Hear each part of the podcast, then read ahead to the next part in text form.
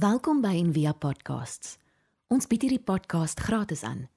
Om 'n bydrae te maak, besoek gerus ons webblad en via.org.za vir meer inligting.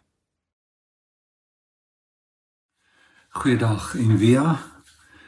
Baie dankie vir die geleentheid om op hierdie tyd op hierdie manier te ontmoet.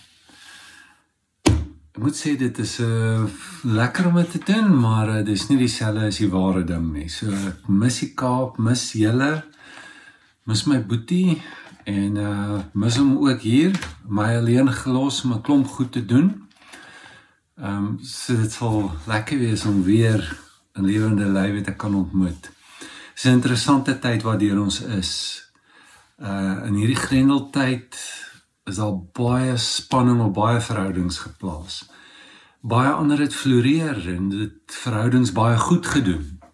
Daar's nou verslapping en uh, ons is weer besig om te begin sosialiseer. So in die lig van verhoudings en al die goed wat gebeur, uh iets uit die lewe van Jesus.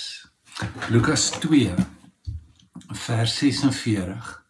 En na 3 dae het hulle hom in die tempel gevind terwyl hy in die midde van die leraars sit en na hulle luister en hulle uitvra. En almal wat hom gehoor het, was verslae oor sy verstand en sy antwoorde.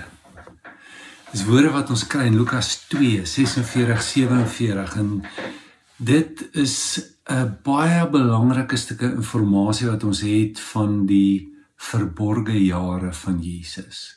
Sy verborgde jare is daar die eerste 30 jaar van sy lewe. Ons weet vreeslik min van daardie 30 jaar. Maar dit was baie belangrike jare. Dit was sy vormingsjare. Dit daar het hy gegroei. Daar het hy geleer. Uh die eerste 30 jaar het hom in staat gestel om die 3 jaar te bedien waarvan ons die meeste inligting het. So as ons iets weet van hierdie eerste 30 jaar, is dit baie belangrik. En hier hier's een van die goed wat ons weet wat sy houding was, sy ingesteldheid teenoor die lewe. Hy het gesit, hy het geluister, hy het vrae gevra. Nou sit is 'n tegniese term. As ons lees van Paulus, dan lees ons hy sê dat hy gesit het aan die voete van Gamaliel. Uh, Maria kom in en sy gaan sit aan die voete van Jesus. Dis 'n uh, 'n uh, ingesteldheid en 'n houding wat 'n disipel aanneem by sy leraar, by sy rabbi. En dis iets wat hy letterlik gedoen het. Jy gaan sit by sy voete as 'n aanduiding dat jy hier is om te leer. Jy maak jouself leeg van jou idees, jou opinies. Jy's nie die een wat weet nie. Jy weet nie. En jy's nou oop, ontvanklik om te kan ontvang. Ons lees dat Jesus so geleef het. In Filippense 2 gaan Paulus in op in die woord daarvoor is kenosis in die Grieks. Dis hy het homself ontledig. Jesus het homself leeg gemaak. Ehm um, jy kan nie leer as jy vol is nie. Jy kan nie leer as jy vol is van jou opinies nie en as jy beter weet nie en as jy wil stry nie en as jy wil wys wat jy wil weet nie. Sien jy met daar's 'n ekkigheid in ons waarvan jy ontslaa moet raak om te kan groei en om regtig te kan leer. En natuurlik is dit iets wat moeiliker raak soos wat jy ouer raak, want jy weet al hoe meer. Ehm um, om te sit, om te sit om leeg te raak. Dan het hy geluister. Jy kan eintlik eers net luister as jy die werk van sit gedoen het. Um, luister beteken eintlik om aandag te skenk. Maar om aandag te skenk, moet ek geïnteresseerd raak in iets. Soos ek na iemand wil luister, moet ek 'n heilige nuuskierigheid hê. Ek moet leeg wees van myself, hierdie meganisme van om waar te neem, te analiseer, te evalueer, te kategoriseer, moet ek laat gaan.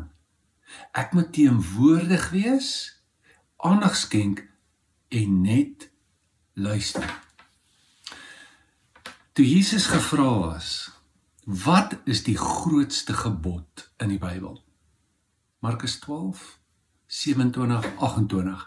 Met ander woorde, om dit te parafraseer, wat is die bottom line van die Bybel? As jy die Bybel kan opsom in een sin, waaroor gaan dit? En Jesus sê, dit gaan oor luister. Hy haal die Shema aan, Deuteronomium 6 vers 4. Hy sê, "Um luister, o Israel, die Here jou God is een en jy moet hom lief hê met jou hele hart, jou hele siel, jou hele verstand." Wat sê Jesus? Jesus sê, "Luister is die grootste, belangrikste ding wat daar is." As jy dit doen, kan jy lief hê. So die belangrikste ding is verhouding en is om lief te hê en is is, is om lief te hê op 'n sekere manier met hart, met siel, met verstand, met krag. Ehm um, ons dink ons luister almal. Ons dink ons luister goed. Ons dink ons is almal lief. My vraag is of jy op is daai manier luister. Dat jy regtig kan hoor nie soos wat jy is nie, maar soos wat dit is wat vir jou gesê word en wat voor jou afspeel, sodat jy kan lief hê op 'n sekere manier. Ons kan net die liefde gee wat nodig het, nodig is as ons kan luister. Ons almal is verwond deur die feit dat ons nie die liefde ontvang het wat ons altyd nodig gehad het nie. En ons kan net daardie liefde kry en daardie liefde gee as ons kan luister. En dis hoe Jesus geleef het. Oral waar hy gegaan het, het hy vrae gevra. Sy lering was 'n reaksie op wat hy gehoor het. Sy bediening was 'n reaksie. Sy genees, sy kos gee alles is op wat hy gehoor het. En as hy begin leer, dan is dit omdat hy 'n vraag begin antwoord. So ons lewe is eintlik 'n behoort eintlik te wees vanuit 'n plek van luister. Luister is eintlik die eerste daad van liefde wat ons kan gee.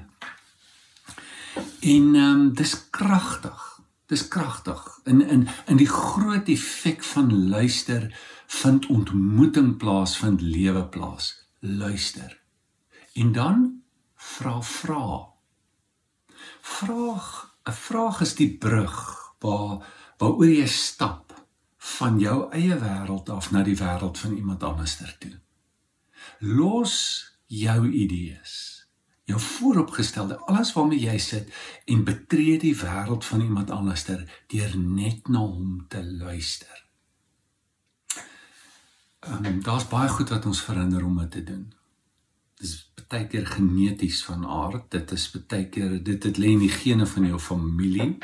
Dis in jou persoonlikheid, dis in ons kultuur. Ons het soveel goed teen ons. En dit kan goed wees as jy daar kan agterkom wat jou geneigtheid is om nie te bly sit nie, nie te luister nie, nie vra te vra nie, maar om terug te hardloop oor die bruggie in jou wêreld in. Nou, dis twee van die goed wat ek in my lewe agtergekom het. Ek ehm um, ek raak ouer, ek het baie ervaring en ondervinding. Jy begin praat, dan is daar 10 teen 1 iets waarmee ek baie sterk identifiseer. Ek was daardeur. Ek kan jou vertel daarvan. En of jy dadelik sê ek weet presies hoe jy voel want ek was ook daardeur.